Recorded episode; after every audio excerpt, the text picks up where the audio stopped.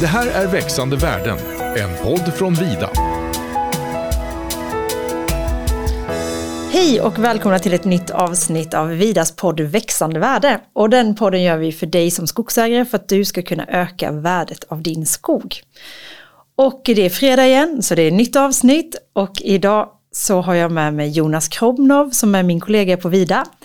Och Anders Nilsson från Jägarförbundet. Välkomna hit! Tackar. tackar. Och eh, Anders, kan inte du ta den stora äran här och presentera dig först ut? Jo, men det kan jag väl göra. Eh, Anders Nilsson heter jag då. Jag jobbar på Svenska Jägareförbundet i en befattning som kallas biträdande riksjaktvårdskonsulent. Och det innebär ju då att jag jobbar med alla möjliga jaktliga frågor kan man säga på, på nationell nivå på Jägareförbundet. Eh, har även en, eh, ett stort intresse för skogsbruk, jag är själv skogsägare och eh, bitvis självverksam. Så att jag eh, intresserad av både jakt och skogsbruk. Det är perfekt. Välkommen. Och så har vi Jonas. Ja, Jonas Kromnov eh, jobbar ju här på Vida eh, med certifieringsfrågor framförallt. Hjälper Pelle Ström en hel del med sådana delar. Och eh, det här med jakten kommer ju in på att jag delvis är skogsägare själv. Jag eh, jagar och eh, sen så är jag aktiv i älgskötselområdet hemma och Eh, har jobbat på Länsstyrelsen som jakthandläggare ett tag. Så där har jag den jaktiga anknytningen. Mm, spännande. Och jag heter Joanna. Och då ska vi fråga oss idag om det går att kombinera skogsbruk och ett rikt jaktliv. Vad säger ni om det? Ja, vem ska börja? Ja, ja alltså, jag, jag, tror inte det är någon eh, stor kontrovers utan det är klart att det går att eh, kombinera jakt och eh, skogsägande. Eh, på något sätt sen så är det ju alltid beroende på hur, eh, vad, vad, får det kosta det ena eller det andra och eh, var, ja, hur ska jag säga det? Ja, jag tycker att det är en självklarhet. Att vi ser ju till exempel i våra, våra medlemsundersökningar, vi har ju ungefär 160 000 medlemmar i Jägarförbundet och ungefär 30 procent plus minus är även skogsägare eller markägare. Så att en väldigt stor andel av jägarkåren är ju även jägare och på motsvarande sätt en stor del av, av markägarna är jägare. Så att självklart går det att kombinera och det är ju en, en förutsättning också att, att vi ska ha eh, ett skogsbruk som, som faktiskt där det finns plats för viltet. Så att många är ju intresserade av både skog och andra värden av sitt ägande. Mm. Ja, för så har jag nämligen förstått det som. Men jag har också en känsla av att det ska vara lite kontroversiellt. Var, var har jag fått den känslan ifrån? Alltså den, den, mediala bilden blir nog mer polariserad än vad, vad det är fallet i många, i många fall där ute. I verkligheten. Mm. I verkligheten så. Utan det, i många fall så är det kanske någon form av decibeldemokrati där de, de, de mest högljudda kommer till tals och syns. Och det är kanske de som ligger lite grann på ytterkanterna oavsett om det gäller då att det inte får vara ett bett i skogen eller att, det inte ska, att vi inte ska anpassa viltstammarna efter andra intressen. Så att jag, i många fall så är, är, nog, är man nog mer överens än vad som framgår i, i den mediala bilden. Ja, min bild är nog att ungefär 90 procent har inga problem med det här. Sen är det 10 procent som eh, har stora problem med det. Och det är just som du säger, de hörs. Mm. Ja men vad bra. Då kommer ju det här, det här avsnittet gå hur bra som helst. men hur har antalet vilt i Sverige utvecklats över tid? Hur ser det ut? Eh, det är kan man besvara på flera olika sätt. Det ena är ju tidshorisonten eh, förstås. Och eh, på riktigt lång sikt, eller på ett par hundra år, då har ju viltet ökat. I alla fall klövviltet. Eh, tar vi då några decennier så har det både gått upp och ner. Vildsvinen har ökat under en längre tid. Eh, de sista åren har den total, har ett tydligt trendbrott och minskar. Älgstammen har ju minskat stadigt sedan en topp på 80-talet. Rådjuren har minskat sedan en topp på 90-talet, men är nog på uppgång igen i min bild. Dåviltet ökar i min bild och sprider sig och kronviltet eh, ökar och sprider sig. Men med passusen att kronviltet nog minskar där det har varit som tätast. Mm. Så det är lite varierat beroende på vilka viltarter man tittar på. Och, och tidshorisonter. Ja, min, min uppfattning är nog att eh, där, där, man får, där älgen till exempel sjunker, där har den tendens till att öka med andra viltarter. Så eh, kan jag nog tycka att det ser ut i alla fall i min hembygd. Eh, jag vet inte, du kan ha en, större, en bredare bild än vad jag har. Men, men eh, det är nog så att det liksom, när man skjuter ner eller när man har minskat älgstammen så har man då gjort det på bekostnad av till exempel rådjuren har ökat. Så då, då liksom det fluktuerar lite fram och tillbaka. Och vildsvinen är ju ett nytt viltslag så det, det är en ny utmaning för oss. Den breda bilden i landet är att älgstammen medvetet har sänkts under, en, egentligen under tio års tid och sedan det nuvarande älgförvaltningssystem infördes. Så att egentligen oavsett andra viltarter så har ju älgstammen reducerats och det har ju varit en medveten strategi egentligen i förvaltningen att driva det dithän. Sen håller jag med att, att eh, vissa andra arter har ju ökat lokalt, absolut. Men eh, det, det är nog ett, eh, ett fenomen kopplat till delar av Götaland och östra Svealand skulle jag säga. Kommer vi upp i, i Norrlandslänen så är det ju i princip älgen den totalt dominerande arten. Och så där har man, har man ju inte den här där fenomenet på samma sätt att andra arter kanske chippar in och tar den nischen som älgen hade. Och varför har man haft som strategi att minska älgstammen? Det har ju varit kopplingen till då de skador på skog man har framförallt mätt genom äben och där har ju eh, rätt eller fel, men där har ju så här, mätningarna om skadnivåerna varit väldigt styrande i förvaltningen. Eh, och där kommer vi säkert ha lite olika uppfattningar om, om det är rätt eller fel, så att, det, att det ska ha sån eh, vikt. Eh, men eh, det, det, är i alla fall så det har sett ut. Ja, och där ska man också lägga till att det, det, kallas, det, det kallades för älgbetesinventeringen. Att det, då man tog det som att det var älgarna som var det enkomt betande djuret. Idag kallar man det för skogsbetesinventering istället och eh, ser det kanske över en lite bredare bild. Och det kompletteras ju också att eh, Äbin då som det kallas, den mäter ju ungskogen i ett intervall av 1-4 meter. Och redan när skogen når en höjd av en meter då har ju rådjuren gjort sitt i många fall. Eh, så att en bild är väl kanske att på grund av starkt rådjursbete i många fall så har älgen fått onödigt stort stryk. För de tallar som skulle blivit mat till älgen eller, på sig, eller kunnat betas av älgen också, de är redan döda. De, är, de har försvunnit i tidigt skede. Men jag funderar lite på det här, då har vi alltså en minskad älgstam och har betesskadorna följt den trenden? Nej, det är det den inte har eh, i de flesta fall, utan man när SLU, då Sveriges lantbruksuniversitet, har tittat på det här så har man inte kunnat konstatera eh, att skadebilden har förändrats i den, i den riktning som man har velat så utifrån den åtgärd man har vidtagit med sänkningen av älgstammen. Och därför så är ju eh, vi på Jägarförbundet skeptiska till att avskjutningen som enskilt verktyg är det, liksom det, det verkningsfulla i det här. Eh, sen säger jag inte att vi inte ska reglera viltstammar, för det ska vi definitivt göra. Men vi kommer inte nå Eh, de uppsatta målen enbart genom att reglera klövviltet. Utan här behöver vi ta ett större krafttag kring hur vi sköter våra skogar och eh, långsiktigt hur vi vårdar vårt landskap. Ja, jag tänker att alltså just att jaga allt vilt också är en, en stor del i det hela. För att eh, det är som, som jag då ser det är att man, när man lägger ett högt jakttryck då eh, framförallt på älg och vildsvin som det har varit hemma i, i, i mina trakter, då tappar man bort rådjuren och kronhjortarna många gånger. Och då, då händer det ingenting. Alltså då tar ju de den platsen. Och det du är inne på där med, med plantorna, att, att eh, plantorna kommer ju aldrig alltså upp i älgbeteshöjd egentligen. Utan det blir ju ett problem. Eh, för då, då vi ser att vi har ökat andelen tallplantor. Eh, det, det sätts mycket flera tallplantor nu, även om, om vi skulle önska att det vore ännu mera, givetvis. Men, men, men det har ökat. Men ändå så ser vi ingen effekt av att vi faktiskt har fått upp i, i, eh, i betesinventeringen. Ser vi inte effekten av att det faktiskt har satts mera, älg, eh, har satts mera tallplantor. Eh, och det, det, det, är någon sån där som jag har liksom grunnat på. Varför blir det så då? Varför, varför kommer vi ingenstans när vi liksom vi minskar älgstammen och vi ökar tallplanteringen och ändå får vi ingen effekt. Liksom. Det är någonting, någonstans så försvinner de. Sen finns det ju en tröghet i det här systemet och det är ju då att, som vi var inne på, att älgbetsinventeringen genomförs i en höjd, ett höjdintervall mellan en och fyra meter. Trycker vi in en tallplanta i backen nu eller om vi en hellre frösår eller har fröträd Eh, så kommer det dröja ett antal år innan, innan de börjar trilla in i inventeringsintervallet. Sen kanske de befinner sig där beroende på bonitet och kanske mellan 5 och 10 år.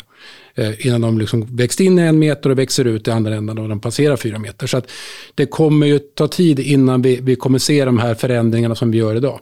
En annan faktor av det här är ju att vi med den överanvändning av gran vi har haft primärt i Götaland och delar av Svealand så har det även resulterat i att mycket av fältskiktet, bäriset bland annat, har försvunnit ur ur den äldre skogen och gallringsskogen. Och det gör ju då också att vi förskjuter betestrycket från klövviltet från den naturliga födan i mycket av, av bäris och den typen av bete mot då, eh, hyggesfasen eller ungskogsfasen där de kan hitta sin föda. Och då, så vi förstärker problembilden genom en överanvändning av gran.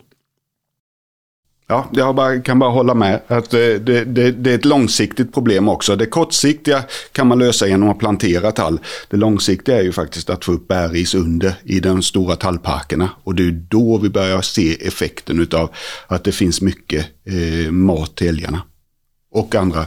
Och andra. Ja. För tittar man på de här risarterna så är det ju eh, är de ju utnyttjade eller nyttjade av samtliga hjortvilt. Det är inte bara älgen och rådjuren som äter det, även då vilt och kronvilt. Och det är klart att i viss mån som olika födonischer, men just bärriset är en, nyc en nyckelarter för dem alla. Så det är en jätteviktig bulkföda i landskapet som vi har genom ett, täta granskogar i, i mångt och mycket eh, tagit bort. Mm. Du sa innan Anders att eh, ni på Jägarförbundet inte tyckte att avskjutning eller att minska älgstammen var liksom den enda lösningen. Vad är det för lösningar som ni har sett då? Vi har väl, ser väl en palett av lösningar. Reglering av klövstammar är en, en faktor förstås. Det, men som jag sa så har vi inte sett de förväntade effekterna av att vi faktiskt har gjort de här åtgärderna. Utan det är ju ett, ett, ett varierat skogsbruk. Eh, och delvis då också att man styr över mer mot tall. Eh, stora delar av Norrland är faktiskt ståndårsanpassningen helt okej. Okay, tillägga. Men det handlar inte bara om att vi, vilket träslag vi väljer utan ståndårsanpassning eh, innebär ju förutom träslagsval även skötselmetoder. Är det kanske, om vi planterar 1600 eller 1800 tallar och det inte finns någon annan föda i landskapet, då, då blir det ett väldigt skadekänsligt system. Så kanske titta mer på andra brukningsmetoder, nyttja sådd mer, fröträställningarna har minskat om vi följer statistiken till exempel. Så att det är inte bara vilket träslag vi väljer utan hur många potentiella stammar eller plantor kommer upp per hektar. Och där är planteringen ett mer känsligt system. Mm. Men de viltskadorna som blir, vad betyder de för skogsägarna? Vad innebär det? Ja, i grunden så innebär det ju en kostnad eller en, ett eh, inkomstbortfall. Eh, sen så är det ju, det, det, här, det är väldigt svårt för att eh, när man ser det här eh, över hela spektrat så eh, den ena blir hårt drabbad och nästa kanske inte blir drabbad alls. Eh, Ja, viltet betar ju inte jämt i landskapet. Utan det, man har, kommer ju ha hotspots som är, där man har ett, ett betydligt starkare tryck. Och de kommer ju få en förstärkt skadebild där precis som du säger så kan ju grannen, bara, grannen skifta vara helt obetat i princip. Då. Så betestrycket är ojämnt fördelat i landskapet och det, det är biologiska faktorer som inte kommer bort ifrån utan så, kom, så har det varit och så kommer det alltid vara. Eh, tyvärr, eh, för den som blir drabbad. Då. Eh, men sen är det ju så att faktorerna som, eh, vad som påverkar ekonomin, det är ju inte bara så här, betestrycket så, utan det, det, är ju, det är ju även andra faktorer, så här, vad, vad vad man, vill ha, ja, vad man kan tänka sig för alternativa inkomster. Jakten i sig har ju ett monetärt värde, värde även för markägaren, även om man inte jagar själv. Det kan ju vara ett känslomässigt eller ett, ett skäl till många att äga skog, att man faktiskt vill nyttja fler resurser än, än, än marken för ren virkesproduktion. Men ur ett rent monetärt värde så är ju tveksamt ur mitt perspektiv och även faktiskt om man ska titta på Skogsstyrelsens egna rapport om, om 5 målet är ekonomiskt försvarbart för den enskilde markägaren de kalkyler de själva gjorde när man tittar på, på kassaflödesanalyser så tappar man inte många kronor per hektar och år på att gå från 5% skador till 10 skador. Eh, och man kan vända på det, ska man skjuta ner klöverstammarna för att nå 5% då kommer man nog tappa mer värde i jakten per hektar än vad värde, alltså förlusten från viltskadorna innebär. Så att jag skulle vilja hävda att 20% skador som det är på sina håll, det, det är ingen som vill ha och det är inte försvarbart. Men jag är tveksam till att 5% målet är relevant för den enskilde. Ja, då, då pratar vi 5% per år. Exakt, 5% och för, betade skador. Och, och 5% per år innebär att du ska ha sju oskad, sju av tio oskadade stammar eh, vid fem meters höjd egentligen. Det, ja. det, det, så att vi vet vad vi pratar om. Eh, jag tror ju att eh, skulle vi komma upp till 10 procent så hade vi nog eh, skjutit oss själva lite i foten för då, då börjar det kosta pengar på allvar. Eh, sen så är det ju, det är egentligen kanske inte den stora frågan utan det är ju faktiskt den här biten mellan 0 och 1 meter som vi inte har någon statistik på. Det är nog där den stora kostnaden ligger för, för skogsägaren. Att alla omplanteringar, alla liksom eh, hjälpplanteringar som ska till för eh, att planta har försvunnit. Vi ska försöka få ihop ett bestånd i slutändan. Så när de har kommit till en meter då, då är det ett rätt litet problem. Ja, då, då har man, man hanterat mycket av problemet, det håller jag helt med om. Eh, och personligen så tror jag ju att man kanske ska vara mer noga med de plantor man sätter. Man kanske inte behöver ha, framförallt kanske inte på, på gran och så, men att man, man hellre att dra ner plantantalet med några hundra och faktiskt lägga de pengarna på, på eftervård. Dels att säkerställa att man, att man faktiskt får ner plantan på rätt plats, för en väldigt stor del av plantavgången beror på dåliga planteringspunkter till att börja med. Sen nästa problem är kanske inte viltet i första hand, utan det är snytbagge på många håll. Och sen som tredje då så kommer viltet. Så att, att bra planteringspunkter, bra plantmaterial i de mån man väljer att plantera och sen så lägg några kronor extra på att se till att de plantor du faktiskt fått i backen överlever. Det, det ger nog en bättre kalkyl än, än att bara kasta ner flera och, och hoppas på det bästa. Så. Ja, men det, det, kan jag hålla med om. Alltså, absolut. Sen så är ju eh, betningen blir ju en, en, del i det hela. Liksom. Det, det är en del av problematiken. Eh, sen så när, när, när, plantan har eh, etablerat sig i en fem år så, så kanske inte betningen har så jätte, den tar inte död på plantan. Då blir det ju en eftersatt eh, planta istället. Kanske lite grovgrenig och lite så här. Men eh, ja, det går ju att hantera.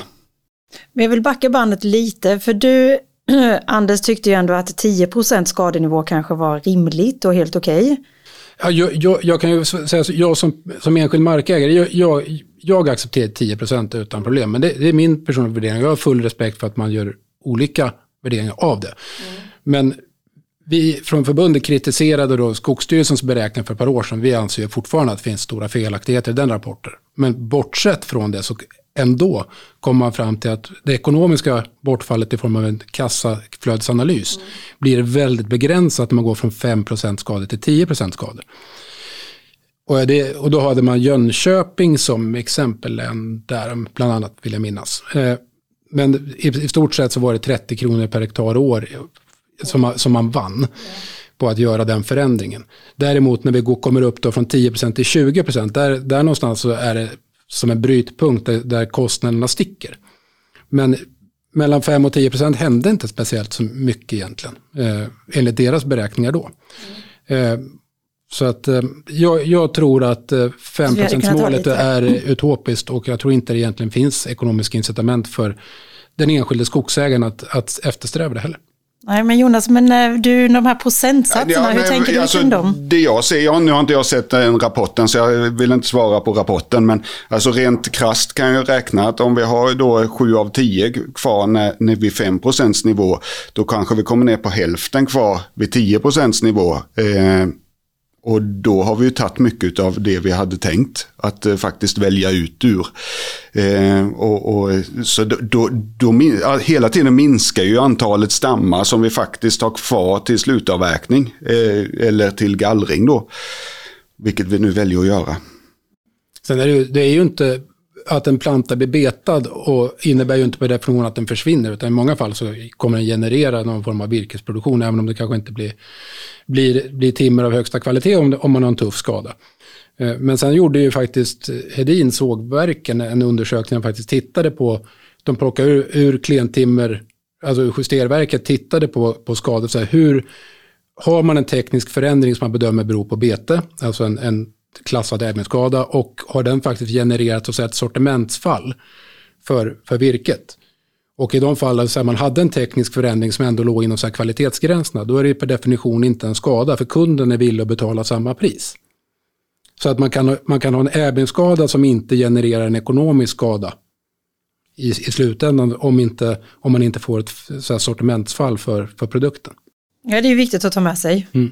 Ja, och då, då har du ju alltså ofta ifall du får en, en betesskada eller en, en skada i mellan 5 och 10 meter eller mellan eh, 1 och 1 och 5 meter. Då har du oftast en slängkrök i dem. För då är det en gren som går upp och tar eh, och då blir det massa ved. Så att eh, där har du ett sortimentsfall som kanske, jag vet inte hur den eh, gjord nu, den analysen. Men, men alltså, i, kan du få det till timmer så är det nog inte så stort problem. Men många gånger blir det ju massaved istället. Det är ju det som blir problemet. Ett annat problem är att du får in röta. Och, och då, om vi då pratar hjortar istället för älgar så är, är det ett jätteproblem. För då eh, har du tappat rotstocken på alla betade eh, eller eh, flängda granar egentligen. Ja, då är det barknagel, barkflängning på gran. Ja, då är det gra- barkflängning på gran och då, då handlar det om helt andra summor. För då har du alltså den merparten av värdet.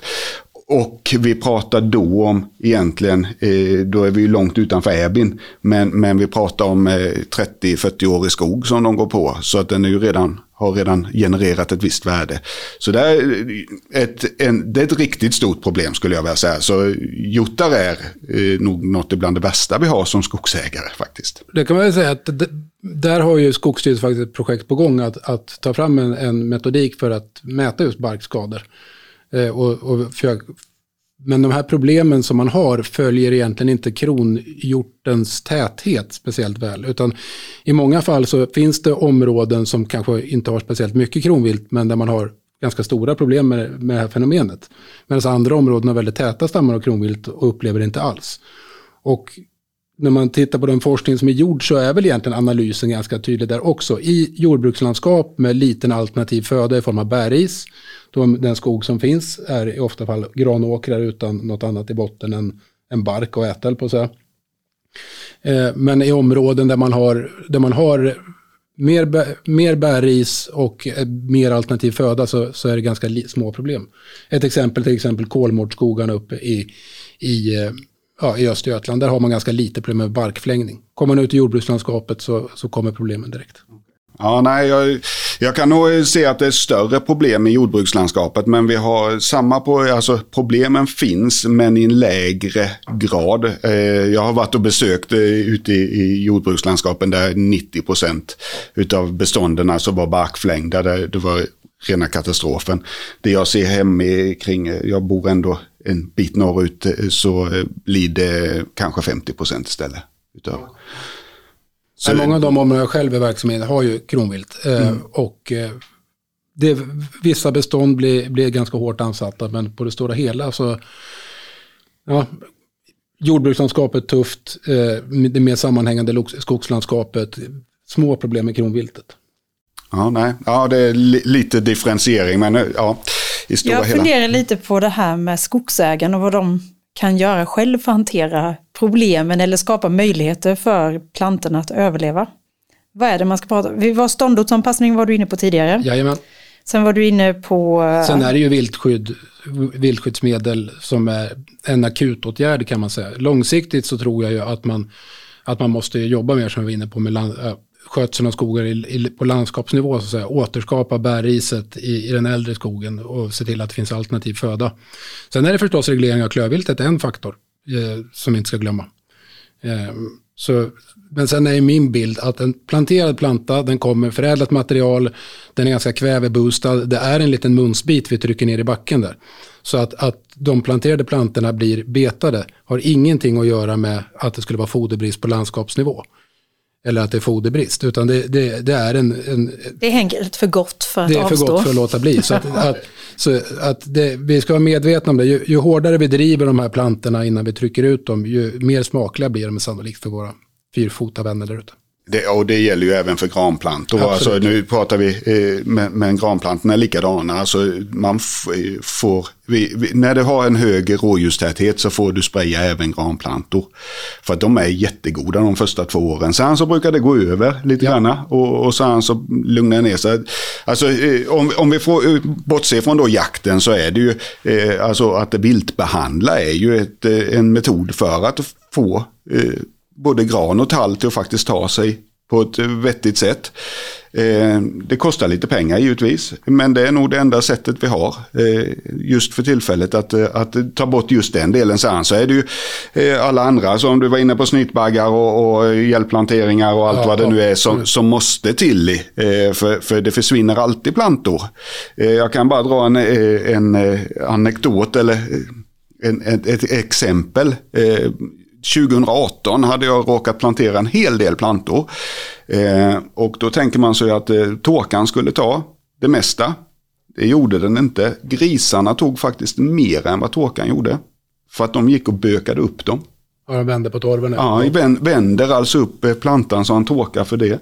Så det, det finns alla möjliga exempel. Det finns utmaningar. Ja, mm. men alltså det, det, och, och, det här är ju, alltså det är precis som vi var inne på, både du och jag Anders, här, alltså det är ju lokalt. E, ena markägaren kan drabbas rätt så hårt medan nästa markägare intill kanske inte drabbas alls. Eh, och, och, där blir det ju jättesvårt då, för vem, vem ska ta kostnaden och hur ska den? För det, alltså det, det blir ju, ja, den okay. är svår helt enkelt. Men då undrar jag, i och med att vi ändå har så mycket viltskador, är det inte vanligt att skogsägarna behandlar sina plantor? Jo, det skulle jag säga, det är ganska vanligt att man gör det. Sen kan preparatskostnader är en sak, det ligger väl kanske på, beroende på preparat någonstans runt 50 öre plantan kanske? Ja, jag skulle tro, eh, ja, lite knappt det. Ja, lite knappt det. Säg mellan 30 och 50 öre beroende på val av preparat. Men det är faktiskt en åtgärd som är väldigt lätt att göra själv. Man behöver inte någon speciell utrustning egentligen annat än en, en liten spruta eller en gummihandske beroende på hur man applicerar det här. Så att det är faktiskt någonting om man, som jag skulle rekommendera att man kan, kan tänka sig göra. För det, det är ju någonting som faktiskt gör nytta, det är relativt liten kostnad för själva preparaten. Samtidigt så får man en väldigt bra överblick över sina egna föryngringar och sin egen skog när man gör det själv. Att man faktiskt ser vart man har luckorna, vart, hur, hur tar sig planteringen. Så man lär sig mycket på att göra det. Så det, det tycker jag det kan jag rekommendera. Ja, det, det vore önskvärt, det håller jag med dig om. Tyvärr är det ju inte så det ser ut, att, att vi har alldeles för många ak egenaktiva markägare som går ut och sprayar sina plantor. Och, och då har du en kostnad på runt 1,20-1,30 någonstans för att faktiskt per planta spraya då. Och att någon annan gör det menar du? Och att någon annan mm. gör det. Så det mer, merparten ligger i arbetskostnaden. Mm. Eh, så är det. Men eh, sen är det klart att det, det är skillnad på att skaffa sig en röjsåg och det, är man äldre eller så kanske tycker det är jobbigt också. Med, det, det är tungjobbat. Men, men att faktiskt behandla plantor, det, det, det, det kan många göra. Det, det, kan de flesta göra så länge man tar sig fram i skogen. Mm, precis. Sen så är det ju, alltså, det är ju givetvis en aspekt. Vill vi ha mycket tallplantor satta, då snackar vi ju inte tusen eller två tusen. Vilket kanske skulle vara görbart att spraya själv. Eh, men eh, börjar vi snacka om mängder, alltså tiotusentals plantor, då eh, gör man det inte själv. Då, då, då får du jobba... man det lokala fotbollslaget. Ja, jo, men... Mm. Ungefär så. Nej, men eh, för då måste du be om hjälp. För då, då gör du inte det utan att du faktiskt eh, är aktiv. Eh, alltså jobbar med Nej, det. Precis. Ni nämnde innan skogsbetesinventeringar. Berätta lite mer för mig vad det innebär. Ja, ÄBIN då som den kallas är ju en, en skadeinventering som utförs av Skogsstyrelsen. Så det är egentligen inte en betesinventering utan man mäter skador på primärtall. Eh, och som skada är det då toppskottsbete, stambrott och barkgnag på, på stamaxeln kan man säga. Så att det, är egentligen tekniska skador på stamaxeln på tallar mellan en och fyra meter. Eh, så Skogsstyrelsen eh, mäter det varje år inom varje älgförvaltningsområde. Man slumpar ut kvadratkilometers ytor där man då inventerar alla bestånd inom den här kvadratkilometers ytan som är mellan en och fyra meter höga. Eh, och där sammanställer man då det resultatet som ett underlag till eh, förvaltning. Kan man säga. Och de undersökningarna, hur länge har de pågått? De har pågått ganska många år. Sen har det ju varit lite förändringar i metodiken över tid. De sista åren har det ju legat fast. Man kan poängtera att ni som lyssnar och skogsägare sannolikt bidrar till kostnaden här. För 13 öre per kubikmeter vi avverkar, det går till det här. Ja, men det ger oss ändå en bra uppfattning på hur det, skadeläget ser ut ja, och historiskt sett. Tittar du på, på graferna så får du väldigt bra eh, uppfattning om hurdant det, vad, vad som, hurdant det här har utvecklat sig. Alltså själva skadebilden kan jag se. Sen det, det som jag kan tycka är oroväckande då, det är ju just att vi får ingen effekt. Alltså det, vi, vi, vi, räknar väl någonstans att vi har skjutit ner älgstammen 25 procent. Ja, lite beroende på. Ja, lite beroende på vad. I Värmland bitvis har den ökat, men på sina håll så det, har man ju halverat älgstammen också. Mm, nej, det är den stora frågan. Men jag funderar också på att eh, det finns ju lagkrav på hur älg ska förvaltas. Men inte på övrig vilt. Stämmer det? Både ja och nej. Eh, kronviltet ligger bitvis inom samma mallar som, som älgen. Eh, och man ska ingå i skötselområdet. Så de flesta områden med fasta stammar av kronvilt, där hanteras de inom ramen för befintliga älgskötselområden. Eh, så ser det ut på de flesta håll, bortsett från Skåne ska man säga som ett eget system. Men rådjur, dåvilt och kron, eller och vildsvin, de är ju så allmän jakttid. Men är det positivt, negativt? Hur borde det se ut? Ja, där tvistar man väl egentligen om hur det, det borde se ut. För, eh, man, det har ju visat sig att där man, har, eh, där man försöker lagstyra saker och ting så faktiskt så minskar intresset av att jaga. Eh, och, och, det var väl lite vid den här senaste revideringen av jaktlagen så var man ju inne på att faktiskt släppa på kronhjorten men eh, ja, nu blev det inte så. Eh, du, du, kan ju jaga vissa delar av kronhjort eh, utan att vara med i ett skötselområde, eh, kalvar eh, framförallt då.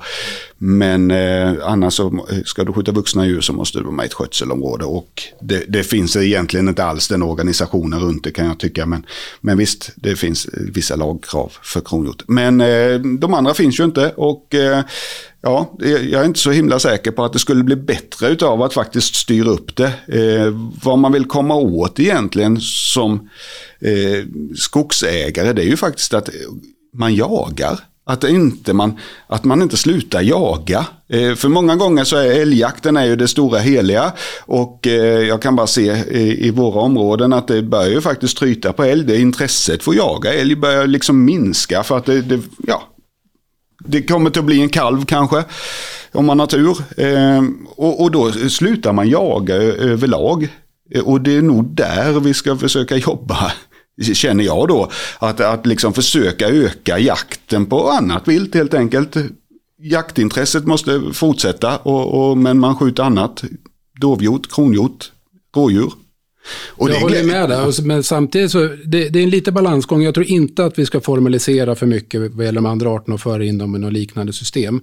Däremot så tror jag att det är bra om man kan hantera dem i någon mån på frivillig väg inom befintliga strukturer. Alltså att man inom skötselområden där man kanske har älg och kronvilt, har man även dov exempelvis, att man försöker inventera, ta reda på vad man har, försöker bli överens, vilken riktning vill vi ha? Eh, ska vi, ska vi låta dem öka? Ska vi minska dem? Vill vi förändra någonting? Har vi för lite handjur, vilket är fallet på många ställen? Eh, så att man inom, inom ramen av befintlig samverkan kan i alla fall ta medvetna beslut i förvaltningen. Det tror jag, då har man kommit ett stort steg framåt. Eh, för tittar man på de områden jag har varit verksam i, så kronviltet där man har haft mycket och velat sänka, då har man lyckats. Däremot de här arterna som man inte har koll på, som där var och en gör som de själva vill, då, då har de ofta ökat. Men det har inte varit medvetna strategibeslut, beslut, utan man har inte haft koll. Och där, där, är vi ju egentligen inne på det vi pratade, eller jag nämnde det innan, med eh, flerartsförvaltning då. Eh, och det är någonting eh, vi jobbar med eh, nere hos oss då, att eh, faktiskt få Eh, älgförvaltningsområdet att ta ett helhetsgrepp om. Och det får ju bli på frivillig väg för där finns inga, inga lagkrav eller liksom hurdant det ska se ut. Utan det får man göra på frivillig väg och ideell basis då. Eh, och, och det är nog någonting som vi måste eh, eftersträva känner jag. Att faktiskt ja, ta, någon, ta någon organiserade beslut, precis som du säger där, att liksom ta övervägda beslut även för andra viltarter än, än bara älg och kronhjort. Och det, framförallt dåviltet där man har det, den är den enklaste, alltså lägst hängande frukten att plocka in. För den är, den är ganska, den går att inventera på, vi har metodik för det. Dessutom är den ganska förutsägbar när det kommer till reproduktion. Och där man inte har massa stora rovdjur, då, då, då står jakten för en majoritet av dödligheten. Så vi, vi styr alltså populationsutvecklingen via jakt. Rådjur exempelvis, de har svårare för de, det är större variation i hur många, ja, hur många avkommor de får. Vi har en stor predation av räv sommartid vissa år. Så att vi har svårt att prognostisera vart det tar vägen. Och dessutom så jakten för en relativt liten del av dödligheten jämfört med andra faktorer som vintersvält och så vidare. Så att där är vi, den är mer hoppig och svår att faktiskt förvalta på det sättet. Men dåviltet är ganska förutsägbart och, och enkelt att plocka in i de här systemen. Men är det staten då som driver, liksom som sätter ramarna eller vem är det som ska sätta ramarna? Eh, när det kommer till, till dåvilt, alltså staten har ju redan satt ramarna för älg och kron. Mm. Men när det gäller, gäller dåvilt, de andra arterna, så är det ju, då, då vill det till att man, att man hanterar det på frivillig väg. Som är i nuläget. Och jag tror inte det skulle vara önskvärt. Jag tror inte det skulle, som du var inne på, jag är inte säker på att ett ökat regelverk kommer få önskvärd effekt om, om det nu är att reducera populationen. Utan det kan mycket väl vara så att, att, att, att man själva på lokalplanet har bestämt någonting och vill någonting. Men vilka, det, vilka är det då på lokalplanet? Ja, det är ju, är ju de markägarna och jägare, jägare som befinner sig inom den här skötselområdesstrukturen som ofta är i, i södra Sverige, kanske mellan 10-20 000 hektar stora områden. Men de, de områdena och den eh, strukturen den funkar? Den funkar, man har ju ett system för att förvalta älgen här i, inom de strukturerna. Och kommer man ner på den skalan så vet ofta människor vilka grannarna är. Eller det blir en geografi som man är berörd av och där man känner igen sig. Kommer man upp på förvaltningsområdesnivå som vi var inne på, som är betydligt större områden, då tappar man bort den här känslan och man vet inte vem den andra är eller vilka marker det handlar om. Men kommer man ner på de här 10-20 000 hektaren så blir det ofta liksom där man där man bor och verkar i. Och där är det inte svårt att komma och få samsyn? Jo, självklart är det det, men man, det, det, det är en utmaning, absolut. Men återigen så kanske försöka komma bort från decibeldemokratin och, och inte låta de här mest högljudda eh, diktera villkoren, utan kanske mer lyssna på majoritetsviljan.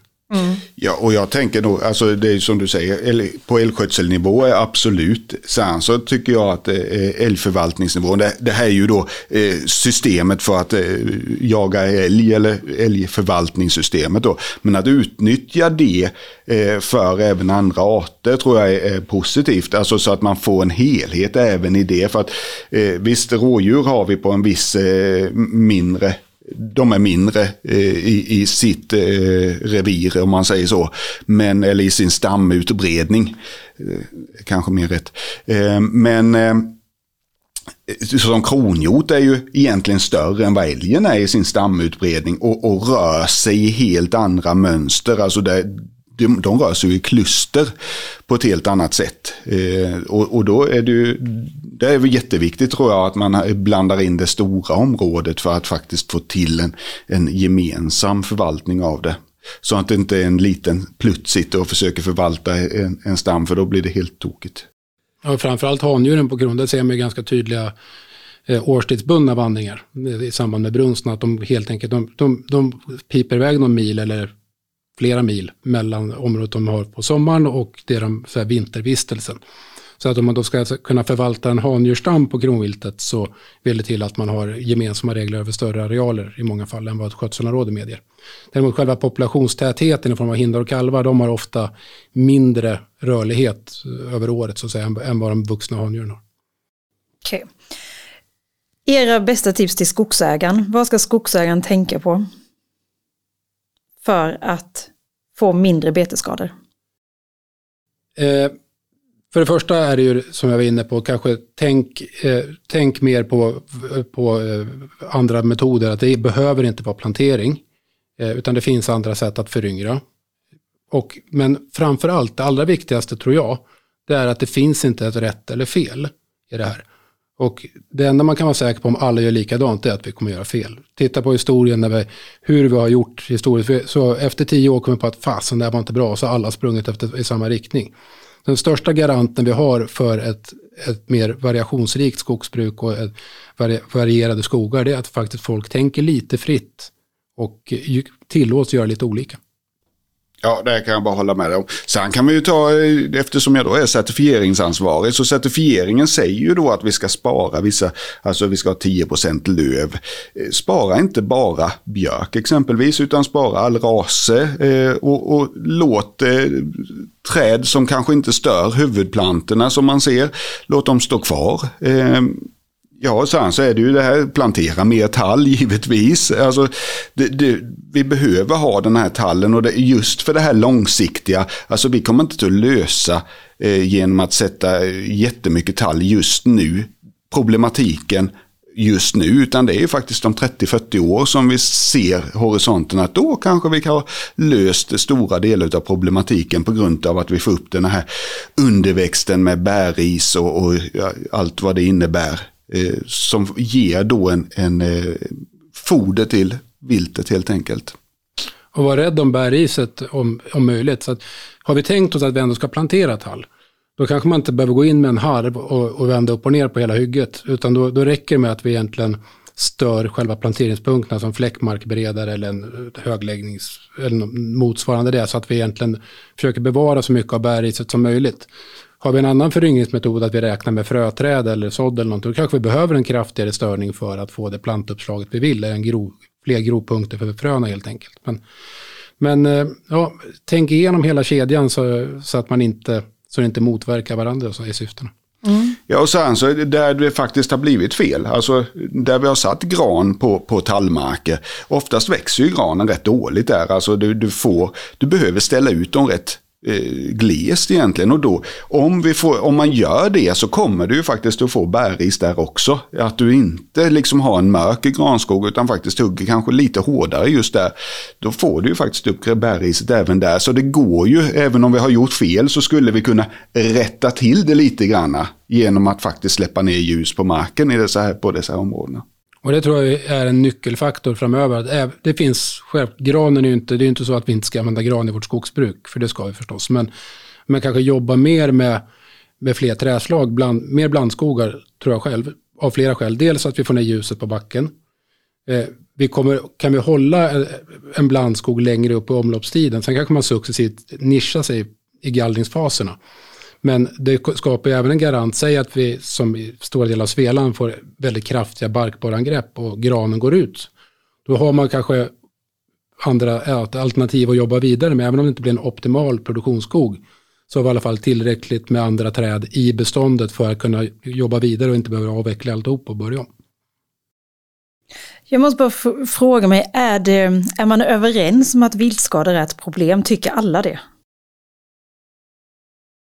All, de, jag skulle säga att de flesta är överens om att viltskador är ett problem. Men sen är det, det man inte är överens om, det är hur, dels nummer ett, hur stort är problemet och framförallt då, vad beror det på och vad är de verks, verksamma verktygen vad är det så tillgå? Hur ska vi komma till rätta med det? Och där är vi inte överens kan man säga. Nej.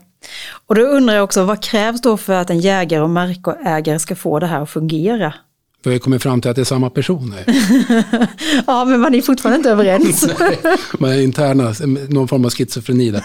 Nej, men eh, ja, tittar man historiskt så har det alltid varit, det, det, finns en inneboende konflikt i de här frågorna. Och det, det har alltid funnits en debatt, och, och även liksom långt innan älgstammen var så talrik som den är, var idag, att det fanns problem lokalt med älgbetesskador. Så jag tror det kanske låter pessimistiskt, men den här kallade dragkampen mellan vad som är lagom nivå, den kommer alltid finnas där. Eh, och, och, och, hoppas på någon form av eh, konsensus alltid, det, det, är nog utopiskt. Utan jag tror vi får, vi får leva med den här dragkampen. Sen är det bara att vi får försöka bygga på oss mer fakta och eh, vara hövliga i tonen när vi lyssnar och tar emot och förmedlar. Ja men det tror jag också. Och sen så är det ju så att när, när, du som skogsägare, går jag ut som skogsägare och ser eh, nedbrutna tallar, visst blir jag irriterad. Men samtidigt blir det, lika, det är ju lika roligt att se en älg när jag sitter på pass. Liksom så, det finns ju någon, precis som du säger, någon schizofreni i det. Liksom, att eh, man blir arg när man ser det ena men sen så blir man rätt glad när man ser det andra. Så att eh, ja, absolut. Eh, sen så tror jag inte heller den här dragkampen kommer att finnas för evigt på något sätt. Jag tror aldrig vi kommer till den punkten där alla är nöjda och glada och, och allting fungerar som det ska. Nej, men vet ni, jag är nöjd och glad. Tack för att ni kom hit. Tack för att ni pratade om ja, men de här ganska svåra och komplexa frågorna där jag förstår den inneboende konflikten. Men nu tror jag att vi önskar oss själva en trevlig helg. Tack, Tack detsamma. Tack, hej då. Det här är Växande världen, en podd från Vida.